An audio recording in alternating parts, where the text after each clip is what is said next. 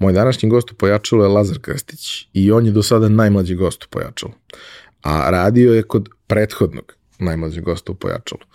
Uh, njegova priča je veoma interesantna i ona je priča o momku koji se razvijao učeći razne oblasti dizajna da bi danas se fokusirao najviše na korisničko iskustvo i interfejs, ali kroz nekih prethodnih 15 godina je što sam, što sa bratom radio neke veoma zanimljive projekte koji su počeli kao hobi i ljubav prema sportu, a razvili se u nekoliko zanimljivih e-commerce biznisa koji su bili vrlo relevantni na lokalnom, a neki i na globalnom nivou, koje je vrlo mlad, nakon nekoliko godina razvoja, odlučio da ipak proda i fokusira se na neke druge stvari. On je jedan od onih mladih ljudi kojima se ja divim iz jednog razloga, a to je što su ispratili neke svoje snove, napravili ono što su želeli, a onda odlučili da nađu ipak dobru meru i da puste stvari koje su radili pre nego što ih iste unište. E, siguran sam da će vam ovo biti interesantno ako volite sport ili ako vas zanima dizajn ili ako vas zanima online prodaja, a i u svakom drugom slučaju poslušajte kako razmišlja osoba koja je vrlo verovatno mlađa od vas. Realizaciju ove epizode pojačala podržala je kompanija Epson. Epson je već više od 20 godina vodeći svetski proizvođač projektora i štampača za sve namene od onih kućnih do profesionalnih. Posebno vam skrećemo pažnju na aktualnu ponudu Epson Business štampača. Naime, ukoliko je došlo vreme da kupujete štampače za vaše poslovne potrebe ili da zanovite trenutnu flotu štampača koju imate, obavezno istražite koja to sve rešenja Epson nudi, jer pored zaista sjajnih štampača koji vam nude besprekoran kvalitet otiska, mnogo manju potrošnju električne energije, mnogo manje otpada generisanog u procesu. Uz Epson rešenje uvek dobijete i celu paletu softvera koja se kod drugih proizvođača doplaćuje, a ovde dolazi besplatno za sve njihove korisnike. Za više informacija pogledajte businessprint.com, piše se onako kako se izgovara. Hvala vam. Ukoliko ste iz Sjedinjenih država ili sa severnoameričkog kontinenta, pojačalo možete svake nedelje od 20 časova po CST vremenu slušati i na viberadio.us. Novi partner našeg podcasta je advokatska kancelarija OC iz Chicago. Da li imate nedoumicu u vezi sa emigracijom u SAD ili vam je potreban savjet advokata u vezi sa američkim vizama svih vrsta? Sve odgovore možete pronaći na ocilaw.us ili zelanakarta.us.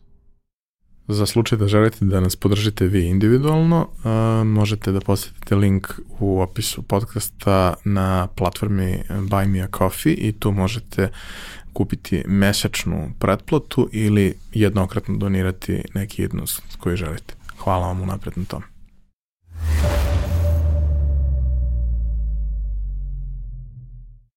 E pa Lazare, dobrodošao. Bolje te došao. E, ti si jedan od ljudi koji su uh, uspeli u svom mladom životu, a ti si najmlađi gost u Pojačalu do sada, uh, koji su uspeli u svom mladom životu da uh, rade gomilu nekih stvari koje bih ja voleo da sam radio, samo da sam se ili rodio malo kasnije ili malo drugačije ovaj, opredelio za neke stvari u svom životu i ceo tvoj razvojni put, iako nije predug u smislu nekog velikog broja godina, jeste vrlo dinamičan, i počeo si rano i svašta si nešto zanimljivo radio, ali evo, ako možeš ti da nam kažeš u dve rečenice šta su neki projekti po kojima bi oni koji su pratili te prepoznali. E, pa ajde pre svega hvala na pozivu i što ću da podelim ovu stolicu sa ovaj, raznim mladim uspešnim ljudima. Ovaj, što se tiče projekata po kojima sam prepoznatljiv, pa verujem da je to svakako Ultras Design koji mi je obeležio skoro trećinu života, meni i mom bratu. Ovaj, pored njega naravno brand Patriotsko odeće tradicionalizam koji je takođe bio deo mog života negde oko tri godine.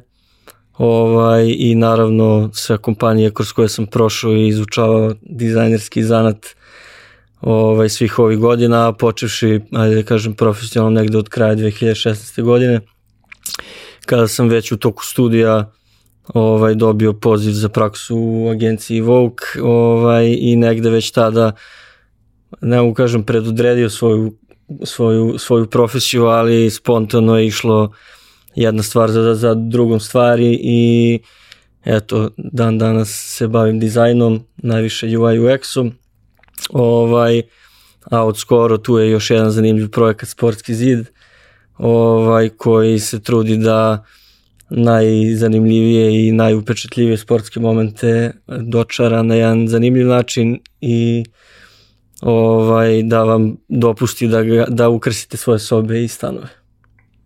I to je recimo i, i jedan od onog poslednjih projekata na koje sam letao, za koje sam bio ljubovan, što ih nisam ja pokrenuo. Iako ja sam imao neke slične ideje, pričali smo o tome, ovaj, Straja i ja smo hteli napravimo svašta nešto, ali uh, onda se desi život i kako to već Ide na je. listu ideja koja je beskonačna. Ide na listu ideja i kupiš domen i ništa. domen, kako to da, bio. TikTok, Instagram, username, pokupiš i sahraniš projekat pre nego što je počeo. E, iako si najmlađi gost i iako nije mnogo prošlo od trenutka kad si bio mali, ovaj, prvo pitanje je naravno naše mančmelo pitanje, šta ste da budeš kad porasteš? Da, ajde ovo je jedino pitanje za koje sam mogu da se spremim, ovaj, pogledao sam nekolicinu podcast, po ovaj epizoda kod tebe i sad će zvučati kliša ako kažem da sam želao da budem dizajner, ovaj, ali eto dolazim iz takve porodice gde mi je majka nastavnik likovnog, ovaj, stric mi je bio industrijski dizajner i negde osoba od koje sam i uvideo šta su sve negde tehničke mogućnosti u tom nekom periodu 2000-ih do 2010. godina kada sam njega gledao kako 3D modeluje automobile ovaj, i bavi se ne znam, packagingom i dizajnira etikete za neke poznate sokove u tim trenucima. To je meni bilo onako wow, gledao sam kao na nešto nedostižno u tom trenutku i upravo uh, i upravo to mi se negde naslanja na to da sam kroz osnovnu školu u početku negde želeo da se bavim prosvetom jer dosta porodice mi u prosveti ali sam eto jako brzo poželeo da postajem dizajner iako vjerojatno nisam znao šta to znači u tom nekom periodu početak osnovne škole, sredina osnovne škole, ali eto upravo je stric bio zaslužan za to što sam instalirao Photoshop sedmicu davne 2010. godine ovaj, i u tom nekom periodu moje aktivnosti i oko sporta i futbala i odlazak na Marakanu sa, sa, sa, sa tatom i burazerom i sa stricem naravno gde sam eto odlučio da onako malo seckam Nenada Milijaša i stilizujem tekstove u Photoshopu koliko je tada Photoshop to dozvoljavao i negde taj put me je posle naveo i odnosno sve to je bila preteča upravo iz Ultras Design i kasnije sve, sve alate dalje koje sam izučavao što za print, što za video, što za svašta, svakakve neke oblasti u dizajnu. I eto ne znam da li sam ispunio svoj dečački san, ali svakako je da se dizajnom bavim i dan danas. Neki bi rekli 24-7, ali eto, još uvek se ne dam. E, mnogo je važno i mnogo je lepo kad je čovjek mlad, pa može. Znaš, mo može da izdrže, što se kaže. Naravno, kasnije dođe sad već neki period kad malo moraš da prioritizuješ, moraš malo da menjaš stvari. Mislim da si ti već negde ušao u tu priču ovaj, u, u prethodnom periodu, ali ajmo lagano. Ovaj, kada si uh, krenuo prvi put da se igraš sa tim stvarima, imao si, da kažemo, neku vrstu uzora u svom okruženju. I to je okej. Okay. Uh, ali, naravno, dizajn je jako široka oblast i ti se zapravo danas baviš sa, što kažeš, sa više zanata u okviru dizajna, ali dobro.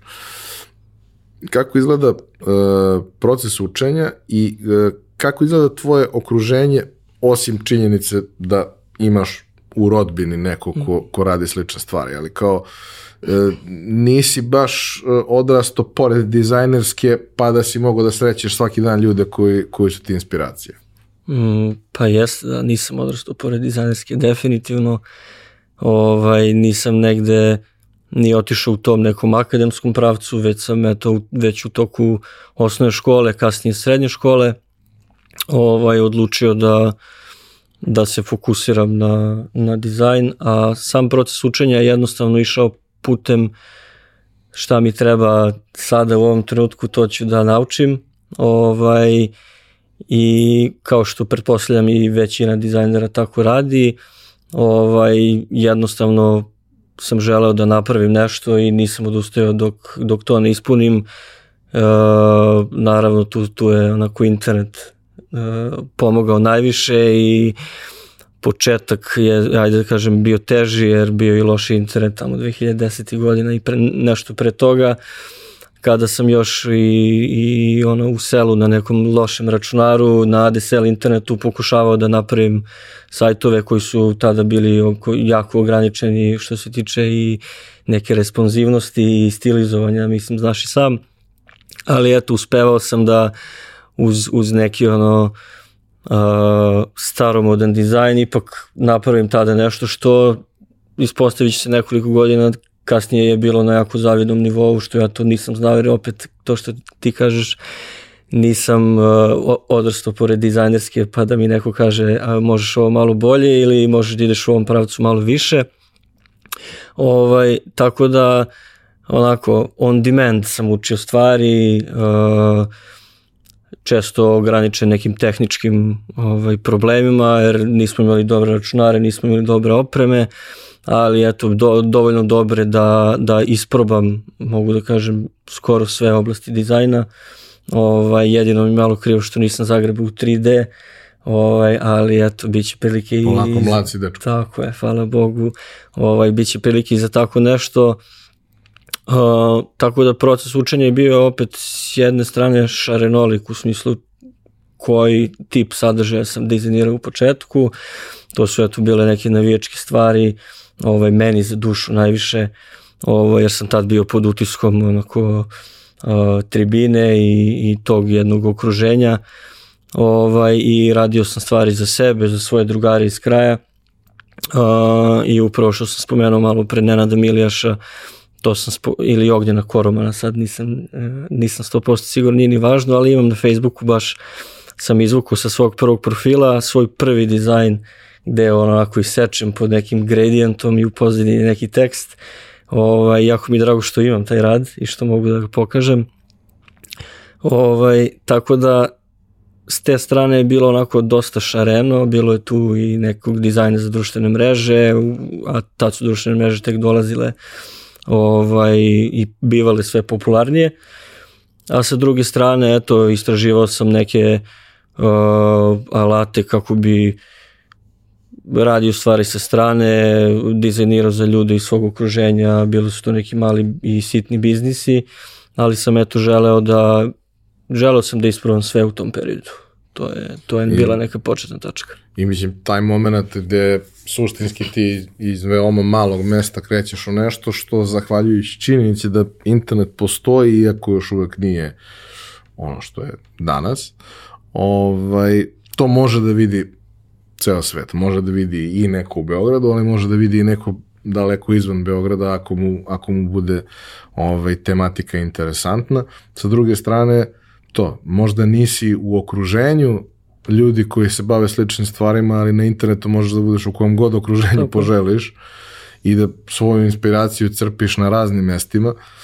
Ja se zapravo sećam tog perioda, ovaj, recimo, mislim da sam ja 90 sedme ili osme napravio 3-4 wallpapera koji su bili na Delian Net. Eto. Seća se da su bili 800 puta 600, pa ti zamisli na kakvim monitorima smo mi to gledali, ali to je bio standard koji se slao. I naravno sad ono, prošlo je skoro 30 godina, više nije, nije to toliko bitno, ali jeste bila lepa stvar da nekako možeš da, da, da sve te svoje ono ideje pretočiš, pošalješ i onda zatekneš to negde kod nekog, posle zatekneš na mobilnim telefonima, to mi je bilo još da. interesantnije. Da, ono. da skoro sam s nekim komentarisao koliko je jači moment tada bio postati viralan kada je sve išlo peer-to-peer -peer i prebacivanje infraredom i bluetoothom nego danas. Kad baš u, u primjeru tih pozadina i ringtonova i slično. Da, pa, skoro je neko komentarisao, ne znam da li je bio podcast ili smo negde sedeli, pošto više ne mogu baš da podelim u životu kad se šta dešava, ali, ali je bio taj moment kao, uh, Kako misliš uh, custom melodije za mobilne telefone? Pa postoje Europe Final Countdown i to je to, kao niko drugi nije probao ništa drugo. Naravno, bilo je drugačije, ali ono komponovanje melodije na telefonu, monofonih je bilo To, to, nakresela žuta kuća, 1, 3, 3, 4, 2, lupio sam sad, ali znači, tako nešto. Ne, ne, ja, ja i dan danas znam da zvuči retardirano, posebno zato što svi znaju da ja nemam sluha, ali ja i dan danas znam da nakresela žuta kuća ide do, do, re, mi, sol, sol, fa, mi, Eto. fa, mi, re, mi, fa, mi, do, re, re. Jer je to bio jedini način da ja to odsviram i dobijem ocenu koju treba, ja sam naučio na pamet to je to kao, znaš, mislim, pa kao, ali dobro.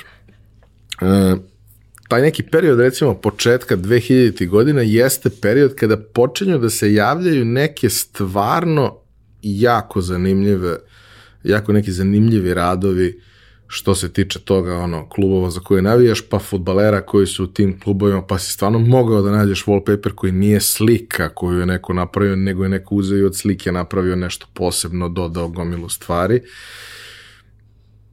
Čak mi se iskreno čini da mnoge stvari koje su tad napravljene nisu prevaziđene, u smislu nema to što da se prevaziđe, klasika je klasika, klasika Tako izgleda uvek dobro, ali mi se čini da je to negde bio prvi trenutak, jer smo mi tad zapravo i došli u situaciju da kao možda skineš sliku od 500 kilobajta i da ne razmišljaš četiri puta da li će da pukne i ne moraš da je podeliš mm -hmm. na šest slika na ekranu, nego to sve onako na osnovnom nekom nivou fercera.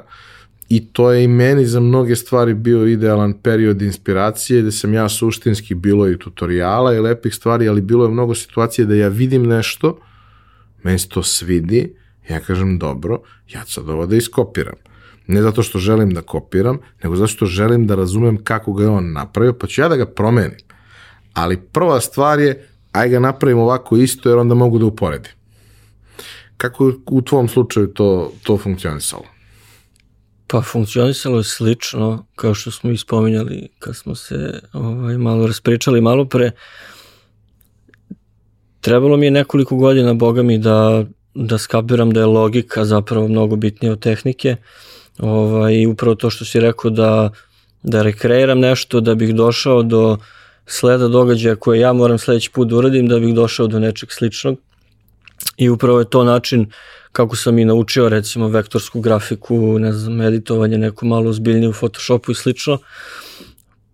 Uzimao sam opet neke slične radove ili radove koji su mi bili inspiracija ovaj, i pokušavao da ih rekreiram samo eto, na, na brži ili efikasniji način ili nakon nekoliko puta da vidim šta bi tu moglo brže, šta bi tu moglo bolje. Ovaj, što i dan danas pokušavam da objasnim ovaj, mladim ili mlađim dizajnerima od mene da, da je alat samo alat, koliko god to zvučalo onako grubo, ali alat je samo alat i potrebne su godine rada izučavanja alata, bar u mom slučaju, a verujem i, i kod drugih ljudi, da skapiraju kojim redosledom treba da rade kako bi najbrže i najoptimalnije deli, ajde, dostavili ovaj, gotov proizvod, da ne kažem deliverovali. ovaj, I to, je, I to je upravo neki proces kojim sam se ja vodio. Kao što sam spomenuo malo pre, jako puno sam istraživo, jako puno ovaj, je i to tržište u kom sam ja operisao u početku, tržište navijačkog dizajna, koliko god to sad zvuči neverovatno, to je bilo jako veliko tržište u tom periodu tamo oko 2010. godine gde jako puno mladih ljudi poput mene je naučilo, da, naučilo Photoshop, uh, navija za jedan klub iz svog je mesta i ok, želi da nekim uh, nekim patriotizmom, odnosno lokal patriotizmom prema svom mestu i ljubavi prema klubu, to želi da spoji u jedan vizual koji će kasnije da reprezentuje njegovu grupu, odnosno njegovu skupinu drugara i ljudi sa kojima ide da bodri taj klub, predstavi na najbolji mogući način. To je to je jedna jako lepa stvar bila u tom trenutku i gde smo mi ovaj, pomagali jedni drugima, pravili Facebook grupe koje su tada bile jako velike, jako popularne ovaj, i mogu da kažem sa, sa sigurnošću da sam ja i još nekoliko ljudi u tom trenutku uredilo jedno tržište, ovaj, pa makar to bio i, na, i navijački dizajn gde smo jako rano počeli uh, počeli da naplaćujemo svoj rad. u tom, u tom uh, krugu ljudi uh, koji idu na, koji hoće da bode svoj klub i ali jednostavno uh, imamo tu drugu grupu ljudi koja, koja ne zna Photoshop i, ali im je potrebna usluga. I kako je to u početku funkcionisalo, mi smo radili ovaj, radili te šarene vizuale za nalepnice, za zastave, za šalove i onda su neki ljudi u znak zahvalnosti nam pošalju 10, 20, 50 nalepnica i mi smo onako srećni svi skupili nalepnice i veliki kolekcionari. Ovaj, ali u jednom trenutku sam ja odlučio ovaj, da mi ne treba više nalepnice, da ono, hoću da imam više para za užinu ovaj, u srednjoj školi, pa čak i krajem osnovne škole i negde kao ono disrupcija na tržištu, ja sad naplaćujem 300 dinara za jedan dizajn za Delije Batchman uh, navijačku grupu. To je bilo onako potres na tržištu gde kad na kom god tržištu se desi tako nešto, dolazi onako na negodovanje široke narodne mase koja to radi i dalje besplatno. Ovaj, kako ja to mogu, to je svetinja, to se, to se ne dira, ali jednostavno ja sam video priliku da tržište raste, jer u tom trenutku je poseta na domaćim stadionima bila ogromna. Ovaj, Marakana je bila puna na svakoj utakmici, jedna je bio puna na svakoj utakmici, jednostavno bilo je, a ja sam bio u epicentru toga jer opet srednja škola, osnovna škola, tu si onako tinejdžer na prekretnici i ja sam samo uhvatio tu vertikalu dizajna i odlučio da operišem u toj vertikali dizajna u horizontali recimo ovaj, na, na, na, na vječkih rekvizita. Ja se sjećam tamo negde 2001. druge godine, treće, ono, sama činjenica da sam pokrenuo burek i sve je podrazumevala da za određeni deo ljudi koji to zasluže svojom aktivnosti crtam avatare, to je meni bilo super zanimljivo pixel art, trajalo beskonačno da se uradi, ali nema veze. Sad jedan AI tool to radi za pa, tebe. neka ga, neka ga. Ovaj, ali to je bilo kao ono, to, to se relativno redko dešavalo, jednom u nedelju dana ili možda više, nekad bude češće, ali ne previše. Jesam ih nacrtao opet kad povuče crtu dosta, ali nije to sad neki ogroman broj. Ali ono što je naravno bilo ono, ljudi su imali svoje potpise na forumima i svako je želeo da ima neki izdizajniran potpis i nešto i ja sam to crto i nisam bio jedini. Ovaj, ali pošto sam bio aktivan i na nekim zajednicama koje su bile uh, u oblastima koje su mene zanimale, što šta bili ono početak pametnih telefona, Symbian i tako dalje, ja sam se i tamo ono, bio aktivan, trudio se, odgovarao ljudima na pitanja koje sam znao i slično. I naravno uvek je bila neka sekcija negde gde ljudi to kao pošalju ako žele da im neko nacrta nešto za forum, zamole da im neko nacrta i ja sam kao, pošto mi to stvarno bilo par minuta, 10, 15, 20, nikad više, ja sam seo i crto i crto i crto i naravno praksa je čudo, vremenom postaneš zapravo prilično dobar. Ovaj, I onda se dešavalo da to, eto, momak kome sam ja to nešto nacrto, e, kao, treba mi za mene za posao da mi neko uradi flyer i to sve koliko bi ti uzeo za tako nešto, pa ne znam, pa jel ti kao ok, 50 evra ti pošaljem ono, ne znam, Western Unionom, pa kao 50 evra ko kuća, mislim, naravno da mi je ok. I onda krene od toga, naravno, posle dođe do, do dosta kompleksnih i ozbiljnijih stvari, ali počne od toga što si ti eto se i nešto besplatno napravio nekim ljudima i naravno ako ćemo da stavimo u Excel koliko sam ih uradio besplatno, a koliko sam naplatio, odnos nije, nije dobar, ali je princip dobar jer sam ja dobio praksu i veštinu i sve i od toga je krenulo i naravno zaista se jako mnogo fantastičnih stvari u narednih pet godina desilo zahvaljujući uh, tome što mi nije bilo teško pola sata dnevno da crtam za neke druge ljude nešto što mi se sviđa. Jer sam nekako uvek imao taj odnos da u zajednici je jako važno da ako želiš da zajednica raste, da ima smisla da svako da svoj doprinos da svima bude bolji.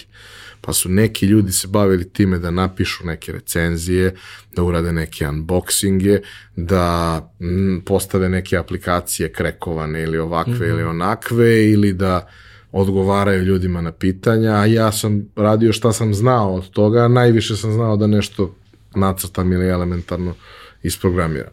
I kao prosto to je bilo to ili da ono pomognem kao čistač koji sklanja gluposti, banuje ljude i slično. Ovaj, I uvek je nekako to bila varijanta hajde ja da uradim šta ja mogu da ljudima bude bolje i da se nadam da će opet još neki ljudi to uraditi i uvek to bude 5%, ali 5% je dovoljno da stvar napreduje. I 20 godina kasnije čini mi se da se princip nije drastično promenio, osim što su stvari postale mnogo masovnije, mnogo je veći broj ljudi svuda. Ovaj, kako se kod tebe priča širila izvan okvira to društva neposrednog i da, slično. Pa mislim upravo ta stvar sa kojom sam krenuo, odnosno taj MVP naplate ovaj, dizajna za navijačke grupe u Srbiji, se onako proširio dosta dobro i u tom nekom periodu kraja osnovne škole, početak srednje, ja tu dobijam neke kao sigurnije klijente u tom trenutku, neke fake shopove Zvezde i Partizana kojima je potreban dizajn u tom trenutku za, za prodavnice, za online shopove i tu sad već imam onako sigurnu mesečnu zaradu od 3000 dinara uh, koja onako mi menja život u tom trenutku, ali tu počinjem da cenim nekako taj odnos i nisam znao šta je nisam, koncept klijenta mi je bio u tom trenutku nepoznat, to su bili ljudi za koje ja radim, nisam mogao da razdvojim sad, radim za tebe jedno, za njega na mesečnom nivou, to mi je neko sve bilo na gomili, ali upravo zbog toga svega to je kasnije otišlo u pravcu da ovaj se smo, sam zatvorio tu jednu, ajde da kažem, regionalno sam se prvo fokusirao na Srbiju, naravno, ovaj, kasnije su tu došli neki ljudi iz regiona i ajde da kažem te prve slovenačke pare preko Paypala ovaj, tih prvih 30 evra od kojih sam verovatno platio fi 10 ali su sigurno dosta promenili u tom trenutku i gde odlučujem da počnem da delim svoje radove na internetu, do sada to nisam radio, do tada, pardon, i opet u nekom onako u piku Facebook stranice u tom trenutku ovaj, odlučujem da pravim Facebook stranicu i ovaj, nekoliko godina kasnije Instagram i to se nekako sve zarolalo dalje ovaj, u pravcu uh, da od, od jedne male navijačke grupe u Srbiji dođe čak i do Ligi šampiona u ovaj, gde gledamo naše zastave na stadionu Tottenhema utorkom ono, iz stana, dok su te iste zastave prošle kroz, na, kroz naš stan. Ovaj, ali to je, ajde da kažem, već neka četvrta ili peta faza celog projekta, ali u početku je svakako sam iskoristio taj MVP i čim sam dobio, da kažem, potvrdu sa tržišta da to, to funkcioniše, da ljudi zapravo hoće da plate kvalitetni dizajn. To je meni bilo onako fascinantno i ono što si ti rekao malo pre, ok, hoću da vidim kako je on to napravio, da mogu ja i posle da onako razgranam to i da pokušam da kreiram ja nešto slično, možda i bolje u nekom trenutku, čak i ako nisi tehnički sposoban za tako nešto. I onda to što si ti crto custom avatar, custom avatare, ne znam, ja sam nudio bolje bolje čikice, bolje fontove, bolje ilustracije, bolje teksture za dizajnove i tako dalje i tako bliže. I kasnije se to razvijalo opet koliko god sam tehnički bio sposoban da ja to mm, guram dalje ovaj, i u tom trenutku ka, u tom trenutku prelaska sa Facebooka na Instagram zapravo dolazi do do ključnog trenutka gde uh, Instagram služi kao portfolio projekta uh, gde su ljudi to prepoznali i stižu prvi upiti uh, uh, ljudi iz Evrope da li štampamo XY stvar. U tom trenutku to su bile nalepnice i zastave i čini mi se poneka majica.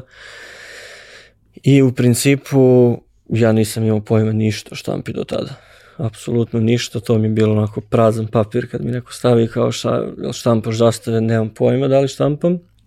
Ali sam odlučio u tom trenutku da se uh, da kažem da štampam naravno i da pokušam da to završim. Ovaj, gde su neki ti prvi klijenti, ajde tako ću ih nazvati, došli sa Kipra, došli iz Nemačke, opet preko Instagrama.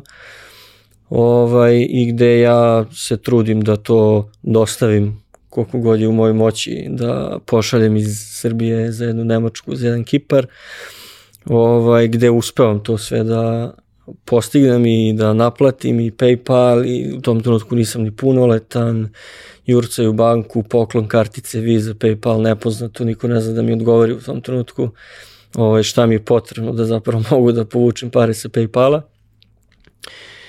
Ovaj, interesantno je bilo da su ljudi sa Kipra recimo slali novac u koverti koji je, koji je igrom slučaja stizao na moju adresu i ja sam onako svaki put bio očaran kako se to desi.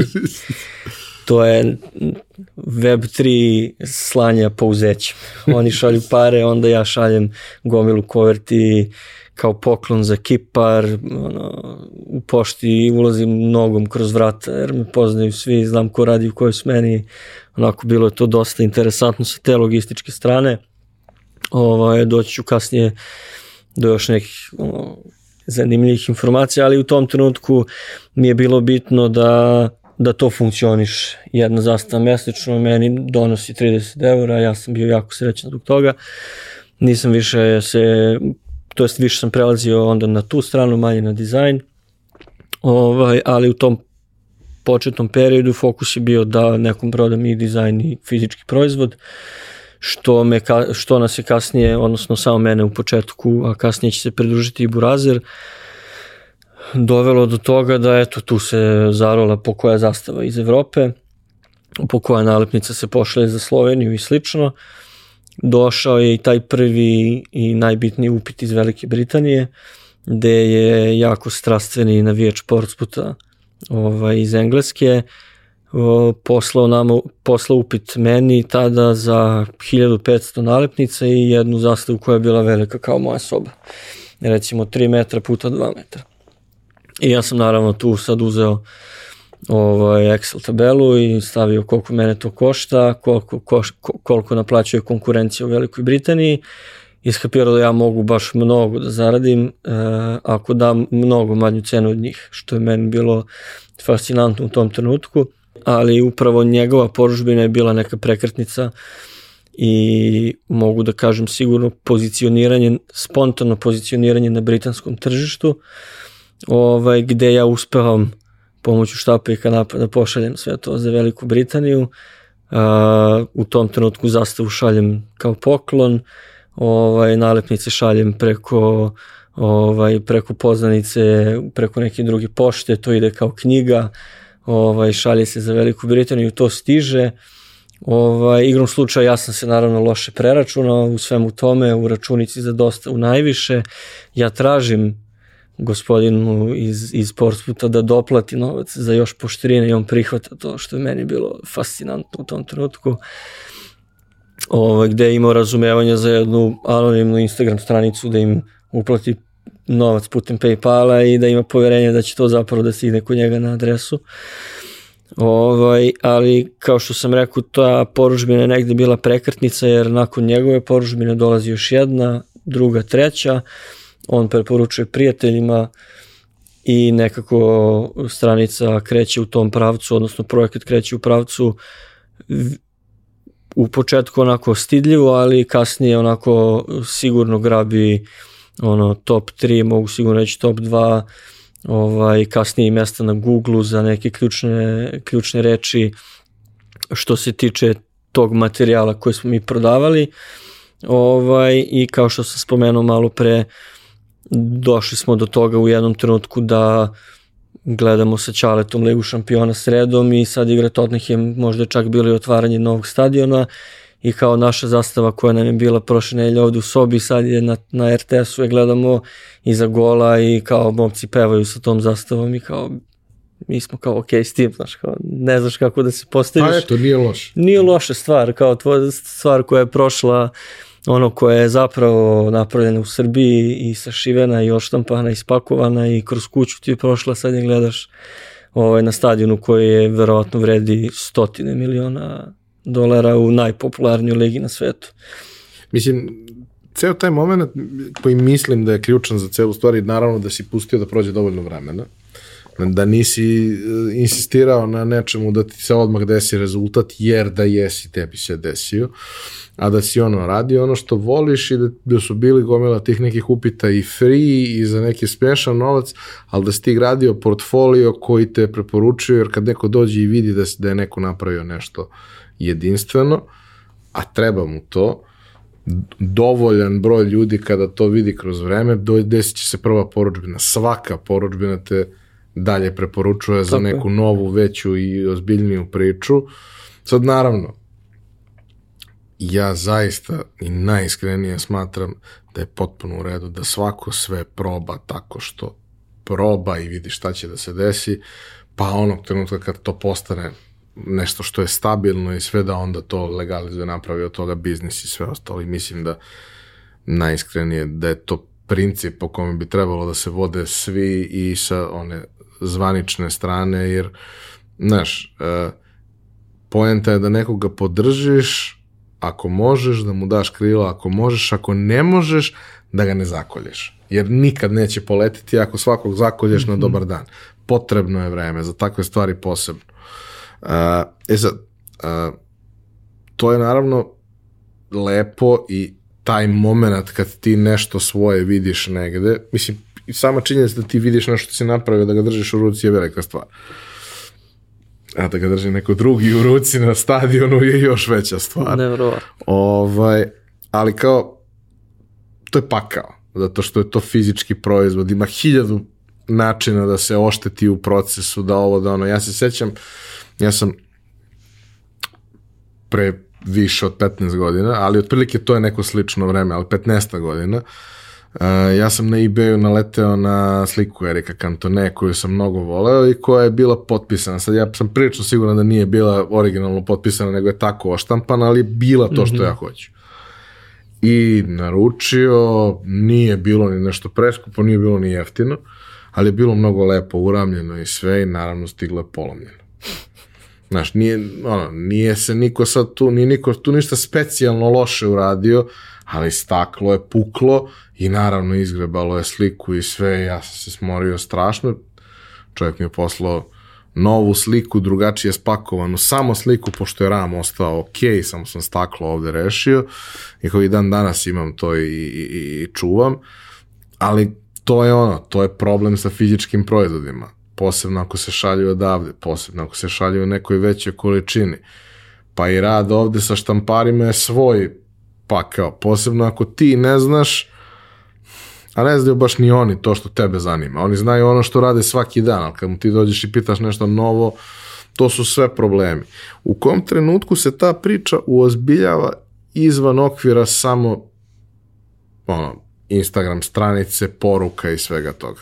Mm, pa da, to je zapravo vero, to, je, to je trenutak kad se moj burazer priključio u celu priču. Uh, to je došlo do nekog nivoa gde sam ja digao neki onaj WordPress site standardno, proizvodi neki obični, dok je konkurencija u tom trenutku već imala platformu na kojoj si mogao da dizajniraš ovaj, i na osnovu toga što si dizajnirao jednostavno uz neke male finese ti dobiješ proizvod ovaj, koji je 90% kao što si ga ti zamislio, samo ga oni onako alignuju.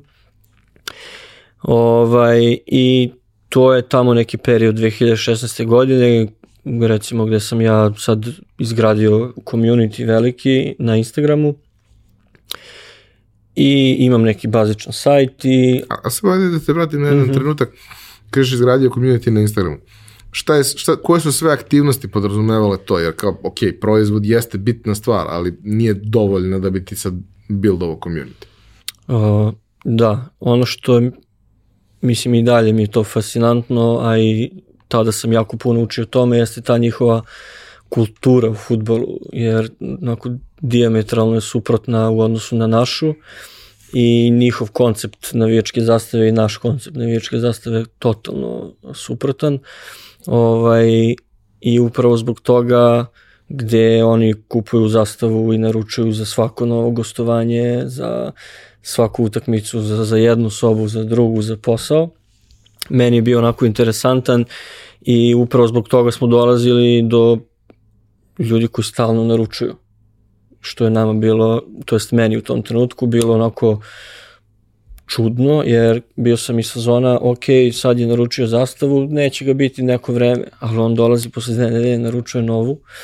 Ovaj, I u tom nekom m, piku Instagrama gde su još mogli da se koriste oni growth hackovi 2016. i 17.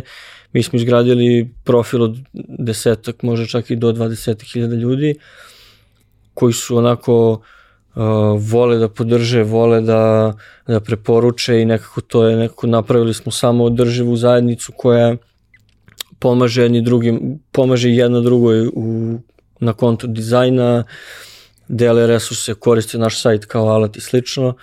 Ovaj, tako da to nam je bio neki moment gde su ljudi uh, bili radi da podele to što su napravili preko naše platforme. U početku je naravno to išlo ručno, preko poruka i DM-a, ovaj, gde, gde sam ja to sve peglao sam i ono, trudio se da im ispunim želje, ovaj, ali moment baš gde prelazimo sa tog običnog sajta Instagram DM-a na ozbiljan sajt je tako negde moment 2017. godine gde moj burazer uh, ulazi u celu priču, uh, dižemo kompletno novi sajt po uzoru na konkurenciju, dajemo alat ljudima da se igraju sami, ovaj, isključujemo tradicionalnu srpsku metodu primanja poružbina u DM, ovaj, totalno. Uh, I u tom trenutku krećemo da skaliramo ceo biznis. Onako, jedino ciljeno u tom celom procesu je bio sajt gde smo znali da možemo da uradimo to što ima konkurencija, odnosno da budemo platforma u kojoj će uh, navijač Liverpoola da dođe na našu platformu, izdizajnira svoju zastavu i da je za dva meseca nosi u Istanbul na finale Ligi šampiona. To nam je, ajde da kažem, bio ceo user flow, ali negde najbitnije je bilo da im što više olakšamo to korisničko iskustvo, jer ono što nas je diferenciralo u odnosu na konkurenciju jeste što smo imali mi taj startup pristup i trudili smo se da ne budemo štamparija ovaj, klasična, jer i nismo nikad bili, mi nikad nismo imali svoju proizvodnju, uvijek smo bili middlemani ovaj, i upravo u tom pokušaju da ne budemo običan shop i obična štamparija, što je naša konkurencija uglavnom bila, ovaj, mi smo napravili, odnosno taj community nam je dao vetar u leđa uh, da dignemo novi sajt i to je kasnije išlo ovaj, ono, puta 10, puta 100 i onda je u jednom trenutku došao i Google na, na, pardon, na naplatu ovaj, gde smo se, da, da kažem, klali uvek za prvo mesto ovaj, sa, sa konkurencijom, što je onako bilo jako interesantno uh, da onako dva, dva mladića iz predgrađa Beograda se kolju sa decenijskim biznisom štampe u Britaniji. Konkretno oni su bili i dalje su situirani u Velsu i odatle tu im je centrala. Ovaj, ali su jednostavno tu su njihov domen je footballflags.co.uk i ne možeš puno se boriš protiv toga, koliko god da je njihov sajt lošiji, naš je bio bolje, bolje optimizovan i tu smo se negde klali i ovaj, upravo nam je to kasnije donelo o, onako nove, nove, nove klijente, nove customere i slično. A kaži mi, pošto smo zanemarili taj deo potpuno, a mislim da nije loše da te malo mm -hmm. vratim, šta se dešava sa školom, faksom, svim tim nekim stvarima, ono, preseljenjem, svim stvarima koji idu uz to? Pa, znaš kako, mi smo, to je ja konkretno, to je to osnovna škola u Batenici, tu kreće onako to interesovanje za, za dizajn, nastavak školovanja u Zemunu, u Zemunskoj gimnaziji, to me negde, da kažem, izvuklo iz, iz, iz geta ovaj, i otvorilo vidike. U toku srednje škole uh, postajem član jedne sjajne organizacije Unija srednjoškolaca Srbije. Ovaj, I to mi zapravo daje onako puta deset uh, širinu pogleda na svet, uh, gde sam onako kao jedan zatvoreni uh, navijač iz Baterice, sada upoznajem onako liberalno otvorene e, ljude koji su spremni da razvijaju neke projekte pod, pod, pod pokroviteljstvom nekih fondova iz Evropske unije i slično, tu mi onako daje jednu širinu, ovaj, tu upoznajem sjajne ljudi sa kojima sam prijatelj dan danas, između ostalog upoznajem i Nikolu, ovaj, koji mi je kasnije dao, dao priliku da dođem na praksu u agenciju Evoke, ovaj, a paralelno sa tim pozivom na praksu ja sam bio student prve godine matematičkog fakulteta, Ovaj, svi se pitaju zašto matematički fakultet, ovaj, zato što sam bio jako loš učenik Zemunske gimnazije i nisam imao puno poena. Ovaj, I negde opcija je bila da ja sad uzem da nabuvam matematiku i upadnem na matematički fakultet, jer paralelno sve vreme me i zanimalo i programiranje. Ovaj, bio sam, ajde da kažem, nemo kažem dobar, ali solidan u tome, neka takmičenja u osnovnoj školi i slično. Ovaj, u srednjoj školi malo manje, ali eto bio sam onako imao sam interesovanje za to u odnosu na neke drugi predmete u srednjoj školi. Ovaj, odlučujem se za upisivanje na matematički fakultet. Uh, prijemni jako neuspešno, po, ono, budem 800 i neki na listi, 500 ljudi odustane, ja ipak upadnem na taj matematički fakultet i odlučim, ok, ovo je znak, ajde, 500 ljudi je otpalo, otišlo na ETF i na fon, ajde sad ti da ono, zgrabiš to i da kreneš na faks ovaj, sam na neki smer, čini mi se statistika ili tako nešto. I kreće, ta, kreće moje ovaj, studiranje, ovaj, sa par drugara iz srednje škole idem zajedno na, na faks. Ide to svojim nekim tokom, ja tu sad pravim neke solidne rezultate, bare meni deluje tako, kao neko ko je onako jedva upao, dajem neke ispite u početku, čistim prvi semestar, što je onako bilo fascinantno, bare meni. Ovaj, I eto, na kraju prvog semestra dobijem priliku za praksu, ovaj, i tada nisam to rekao roditeljima da sam to uopšte dobio. Ovaj, već odlučujem da to prihvatim u konsultaciji sa, sa Strahinjom, mojim bratom prihvatam poziv za praksu i naravno tri meseca ja od 8 do 12 ujutro idem na praksu u agenciju, ovaj, a popodne od 1 do 8 uveče idem u studenjak da učim i da jedem u menzi. Ovaj, I uspevam sve vreme da to nekako balansiram i ono cherry on top, Ultras Design se i dalje razvija u tom trenutku.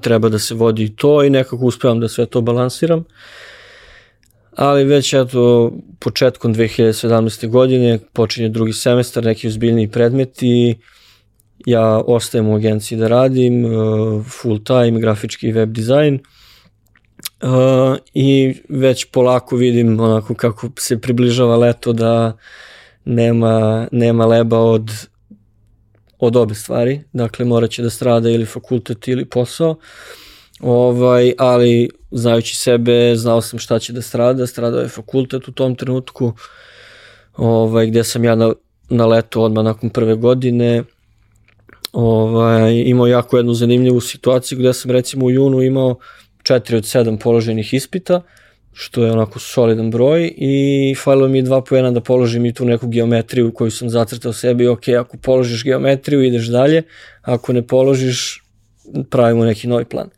Tako se i desilo, nisam položio geometriju, ovaj, puštam da prođe leto, da, da iskuliram, Uh, saopštavam roditeljima da napuštam matematički fakultet u isto vreme kad i moj burazir napušta ekonomski fakultet, tako da onako, dali smo im ovaj, žišku u, u sličnom periodu. Ovaj, I nakon toga odlučujem jednostavno da ne odustanem kompletno od svog, svoje akademske karijere, jer sam imao kolegu koji je tada isto prešao sa ekonomskog na višu elektrotehničku školu, koja je u meni, meni u tom trenutku zvučala jako interesantno, uh, jako moderne predmete i smerove imala u odnosu na, ovaj, na, na neke druge popularnije fakultete. Ovaj, odlučujem da se prebacim jednostavno tamo, pokušao sam na jedan smer, nisam uspeo, prebacio sam se na neki drugi, ovaj, i to je išlo nekim svojim tokom, ali eto i to sam nakon godinu i po dana ovaj, odlučio da pauziram jer eto izvuku sam iz toga zaista ovaj, dosta nekih korisnih stvari što se tiče dizajna, što se tiče malo web developmenta, ovaj, mi je otvorilo i dalo neke temelje da kasnije mogu sam svašta da isprobavam, razne neke tehnologije, ali eto onda već u drugoj godini kada sam dobio priliku da uzimam predmete sa drugih smerova, to mi je oduzimalo dosta vremena, morao sam da idem fizički i eto jednostavno sam odlučio da to opet stavim po stranu i da nastavim da, da se razvijam dalje kao dizajner. A kaži mi, taj moment dolaska u agenciju, ok, to jeste i da kažemo, početna faza cele, cele priče ovaj, agencijske za, za Evoke. Ovaj, ali taj dolazak u agenciju podrazumeva ono, izlazak iz naravno zone komfora, ali ulazak u neke stvari koje, sa kojima se nisi sretao. Biti dizajner u agenciji ne mora nužno da bude preterano teško, za ljude sa iskustvom, može da bude teško, ne mora da bude, ali je takvo da, te, da često od tebe očekuje da radiš stvari koje ranije nisi radio. Posebno što e, kako je sve postalo mnogo više digitalno, tako smo došli do toga da ima mnogo više stvari koje se rade. Nekad ti ono, imaš klijenta koji je neki FMCG, nemam pojma, čokoladica ili nešto, Brate, to je jedan billboard u tri meseca i par ono reklama po novinama, opet tri komade u tri meseca i to je to, nema više toga. Sada imaš situaciju da je to 20 postova mesečno plus gomila nekih banera plus gomila uh, dodatnog materijala gde ok, ti dobiješ možda neki, neku osnovu za sve, ali zapravo mnogo često je parola snađi se a za snalaženje je poželjno da imaš mnogo iskustva i onda ide dosta lakše. A kad ga nemaš, kako ide snalaženje? Pa ide teško. Mislim, hvala Bogu da ide teško, jer kad dođeš u agenciju mladu, u kojoj je 15 mladih ljudi željnih da, da gine zaista u tom trenutku, ovaj, onako dosta je to izazovno, treba organizovati, treba postaviti procese tako da da bude što je lakše moguće i koliko god je uopšte moguće. Ali eto, opet imao sam, ajde da kažem, gomilu, odnosno neku gomilu iskustva iz, iz, iz, iz svoje neke perspektive koje sam radio do tada, ovaj, to su to je opet najviše iskustvo iz ultras dizajna, ali drugo najveće iskustvo do tada mi je bilo uh, vratit ću se opet na Uniju srednjoškolaca Srbije, gde sam prvi put se susreo sa nekim timskim radom, sa procesima, sa radionicama, sa sastancima. Negde sam imao taj, mogo, premostio sam, ajde tako da kažem, ovaj, taj neki agencijski osjećaj gde se nisam prvi put susreo sa tim nekim konceptima.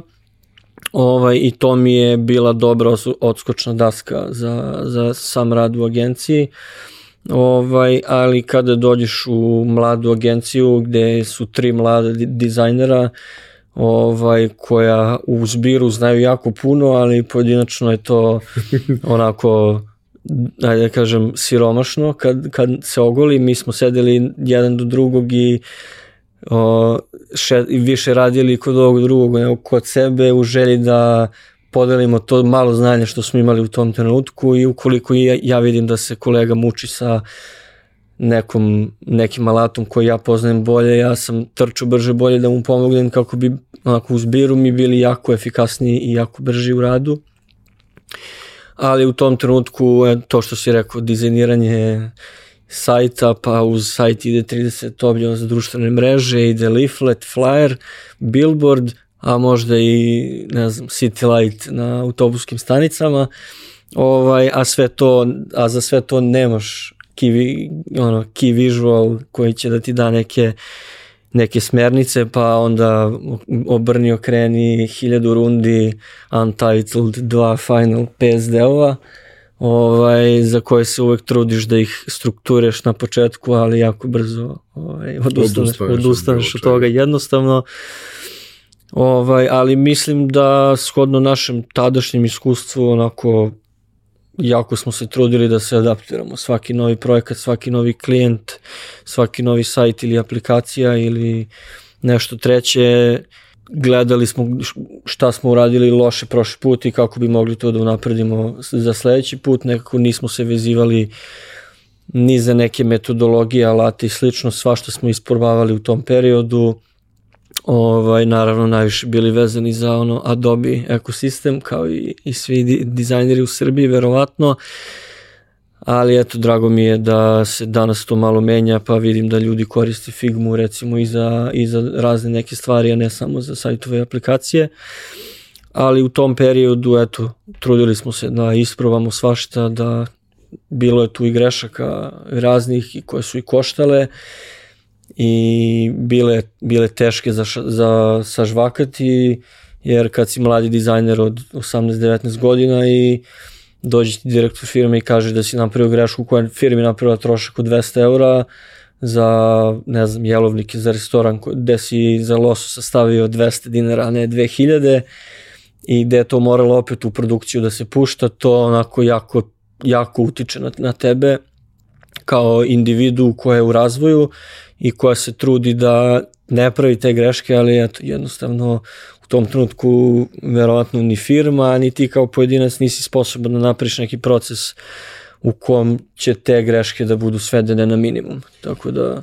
Vidi da ti kažem, 20 i kusur godina kasnije ja i dalje vidim slovnu grešku nakon što oštampam. To ti Tako kažem. Da, samo što sam naučio da prvo oštampam kod sebe. e, odlično. I onda pogledam i kao, aha, da, da. I kao gledam i kao, ovde što nije okej. Okay. Šta ovde nije okej? Okay? Pa ova dva slova ti zamena mesto. To, to, ni, a nije bilo šanse. Koja dva slova? Nije bilo šanse da se vidi. I onda skapiraš da, znaš, to su ono, mislim, naravno, kontrola, proces, da se prođe proces, po nekoliko da. puta i to je Reč to. Reč koju sam najviše puta čuo ono, u proteklih godina, proces, proces, proces i na kraju uvek izađemo iz procesa i ok, u paraleli se dešava cela priča sa, sa Ultrasom mm -hmm. i ta priča se lepo razvija, a vi postajete stariji i pametniji. I ono, nalazite dru, druge načine da ta priča se razvija i raste. Ta priča je stvarno porasla na jedan jako ozbiljan nivo i ok, uh, ono, bottom line je vi ste taj biznis prošle godine prodali, uh, ali bih voleo da, da ono, prođemo kroz neke ključne tačke šta ste vi tu naučili, zato što opet sada, ovo o čemu sada pričamo nema veze sa dizajnom. Odnosno Tako. ima veze sa dizajnom, ali dizajnom kao biznisom, a ne dizajnom kao vrstom primenjene umetnosti. Tako je. Šta ste, kako je to išlo i kako ste vi to, šta ste radili? Pa šta smo radili? Radili smo sve i svašta. Ovaj, od, od igle do lokomotive, najviše u, najviše u tom segmentu automatizacije i optimizacije opet procesa uh, od početka do kraja, gde si spomenuo malo pre taj rad sa štamparijama. U našem slučaju mogu to jest mogu da kažem da smo onako došli, to, da, da smo bili enterprise korisnici svih štamparija sa kojima smo sarađivali, ovaj, gde smo imali to neko domensko znanje i što se tiče dizajna i printa i onda smo mogli da sarađujemo sa štamparijama na jako zavidnom nivou i gde su štamparije volele da sarađuju s nama jer su dobijale sređene fajlove, ono print ready u svakom trenutku i sa nekim očekivanim rokovima bez, bez, bez nekog pritiska. Ovaj, i mogu, mogu sa sigurnošću da kažem da smo mi uživali u radu sa štamparijama i da su oni uživali s nama jer opet napravili smo proces, imali smo ovaj, doneli smo neke predloge ovaj, kad, kako, šta se radi i na koji način i dobijali smo, da kažem, pozitivnu povratnu informaciju sa njihove strane.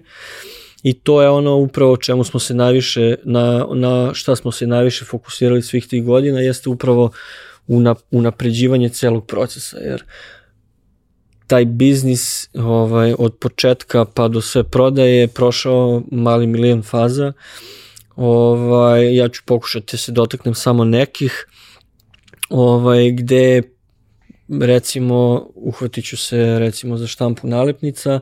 Mi smo u početku sami sekli nalepnice skalpelima znači donesem kući 30 tabaka 30 puta 40 ja sam dokon posle ono, školice i seckam to. Pakujem dalje, šaljem, burazer piše rukom na kovertama adrese ovaj, mladih Engleza i kasnije to nosimo u poštu, svaka se ono kasnije prekucava na komp i slično u pošta u pošti. Ovaj i pošta je upravo i jeste treći ono treća karika u lancu koja nam je dosta pomogla i mogu i sigurno da kažem i za poštu da ja, ja često branim poštu ovaj, u moru ljudi koji, koji onako bacaju drvlje i kamenje na poštu jer isto i sa njima smo imali sjajnu saradnju i čak aktivirali sa njima u našoj lokalnoj pošti u Batinici neke usluge koje oni do tada nisu radili. Znači oni su u pošti su te usluge postojale, ali jednostavno iz te jedinice u kojoj smo mi, koja nam je bila najbliže, jednostavno ih nisu koristili i onda mi je drago da smo barem jednoj maloj pošti u, u jednom pregradskom naselju u Srbiji pomogli da ono radnici se unaprede, ovaj, nauče nešto novo, a naravno i mi sa njima. Ovaj, na stranu to što smo za Novu godinu i Božić nošali čokolade ovaj, za, za, za mir u kući kad im okupiramo jedan šalter sredom dok isplaćuju penzije, ali eto, moralo je, moralo je da stigne sve za Ligu šampiona. Ovaj, ali upravo u celom tom ludilu sa štamparijom, sa poštom, pa ajde hoćemo tu da ono, ubacimo neki express delivery, pa ajmo sad imamo neki FedEx, imamo neki ovaj, uh, kako se zove ovi drugi DHL, DHL. Ovaj, pa ajmo saradnje sa njima, ovaj, ali upravo ono što si rekao malo pre fizičkih proizvoda uvek ima neka svoje ograničenja i koliko god da ti optimizuješ procese uvek ćeš da lupiš neki limit. Mi smo te limite lupali nekoliko puta, ovaj, u početku smo lupali limite slanja kao fizičko lice, ovaj, pa smo dobili onako uh, alert iz, iz pošte, e, ok, pre, premašili ste limit, ajde kao otvorite firmu pa se vratite, mi otvorimo firmu pa se vratimo, pa tu neke druge peripetije, popunjaju carinske deklaracije, uh, šalji fakture na engleskom, šalji fakture na srpskom i slično ovaj, gde smo opet u svom tom procesu naučili dosta ovaj, i kao pravno lice tu se malo upgradeovali u, u, u celom tom segmentu gde smo ovaj bili da kažem jako veliki korisnici imali smo u jednom trenutku dve štamparije sa kojim smo aktivno sarađivali jedne su bile za zastave druge za nalepnice i treći glavni ajde izvođač naših radova bila je upravo pošta Ovaj, I paralelno sa, sa svim tim logističkim poteškoćama i izazovima koje smo onako uspešno rešavali, neki brže, neki lakše, ovaj, trudili smo se da paralelno razvijamo i platformu, odnosno website koji je postajao sve bolji, ali često smo onako dolazili u situaciju da ne izbacujemo bolje fičere, ne unapređujemo korisničko iskustvo jer ne možemo da postignemo logistički ovaj, količinu poručbina koja nam pristiže u tom, u tom trenutku, recimo 2018-2019 godina. Uh, I kada smo po hiljati put lupili neku prepreku što se tiče logistike i same proizvodnje i dostave i slično, ovaj, pokušali smo prvi put da egzitujemo ceo, ceo biznis, to je bilo negdje 2019. godine, gde smo u potrazi za, hajde da kažem, ono, akviziterom našeg biznisa, uh, zapravo naišli na, na novog partnera, gde smo mi, uh, onako nekako nezahvalno je, mi smo došli i kucali na vrata konkurentima u tom trenutku i bili jako otvoreni da oni jednostavno samo otkupe biznis od nas jer smo onako bili iscrpljeni uh, sa logističkim ono, problemima ko, sa kojima smo se susretali i to iznovno, iznovno lupanje nekog uh, krova glavom, onako prekipelo nam, ja tako da kažem, ali dobra stvar se iz, iz, izrodila iz te potrage za, za nekim ko će otkupiti biznis od nas. Došli smo do partnera ovaj novog koji će nam biti partner u naredne tri godine i uh, ovaj, koji će na kraju i otkupiti biznis od nas prošle godine. Tako da uh, u tom trenutku kada prebacujemo kompletnu logistiku i proizvodnju na Veliku Britaniju i postajemo malo klasični ovaj, dropshipping, print on demand, ajde tako da ga nazovem.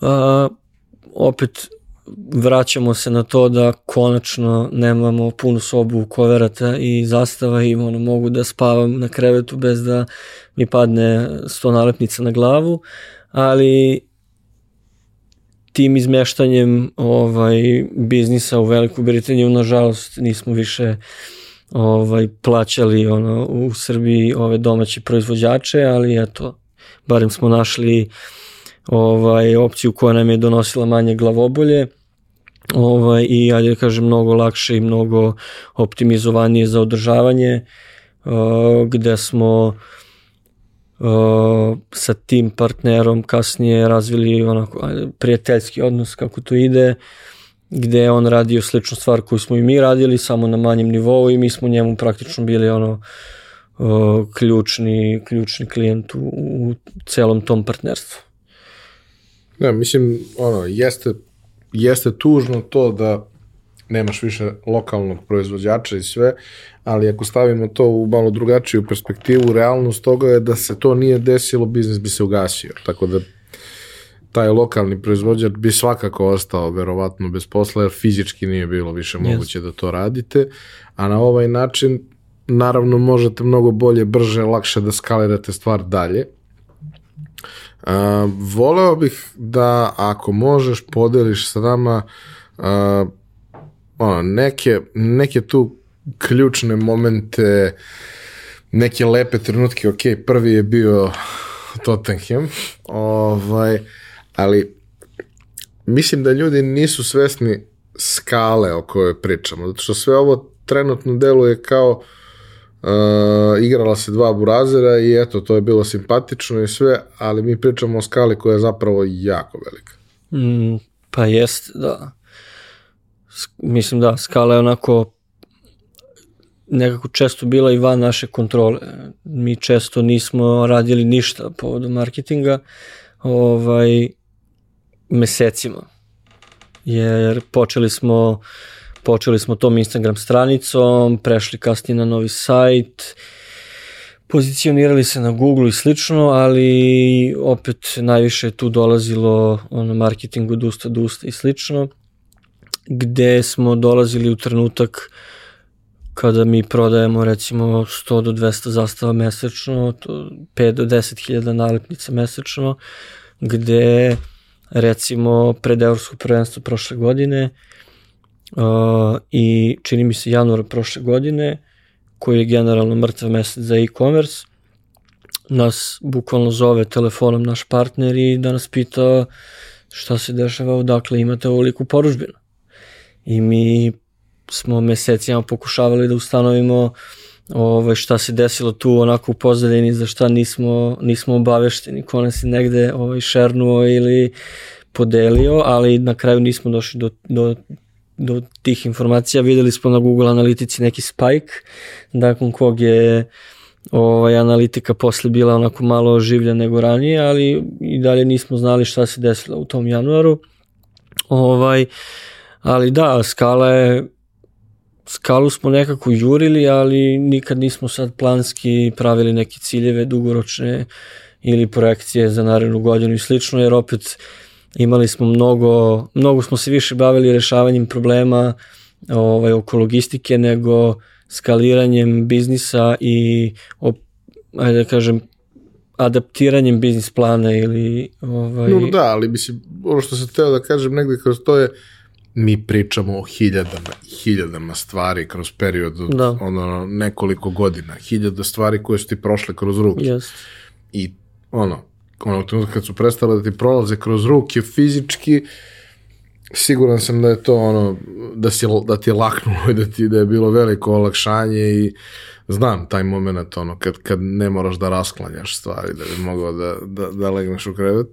Ovaj, ali da, pričamo o tome da je to postalo nešto što vrlo brzo i da je vremenom još se razvijelo i sve, ali da je ono, prevazišlo jako davno taj moment da je to jednom u nedelju, dve dana se neko javi nešto, ne, ne, to je svaki dan neka količina posla, pa sad ti ih jesi omogućio im da oni dobar deo posla urade za tebe, pa da ti samo treba nešto eventualno da središ ili možda čak ne ni to, ali i dalje pričamo o nekoj ozbiljnoj količini posla i pričamo o tome da kao dok niste doneli logičnu i ispravnu odluku i dobili mogućnost da to uopšte možete da uradite, kao to su bile to je bilo mnogo nekih paketa koje samo da treba da ih odneseš do pošte pa ti se život muči. Jeste. Da, mislim, opet vratit ću se na reč proces, naravno, ovaj, koju smo na, na koji smo se najviše negde fokusirali upravo zbog toga, jer smo i u, u tom lancu stakeholdera kroz koji je naš, jedna poružbina morala da prođe, taj lanac je bio ogroman i mi smo pokušavali da godinama i godinama ga nekako skratimo i da taj prostor za grešku dovedemo na minimum. Eto u početku ono, idem autobusom na Dorčol po zastave, vraćam ih za Batajnicu, pakujem e, ponedeljkom i četvrtkom u 5 do 8, čekamo da se otvori pošta da bi bili prvi, ostavljamo kese, prekrstimo se, šaljemo e, post eksportom, ovaj, e,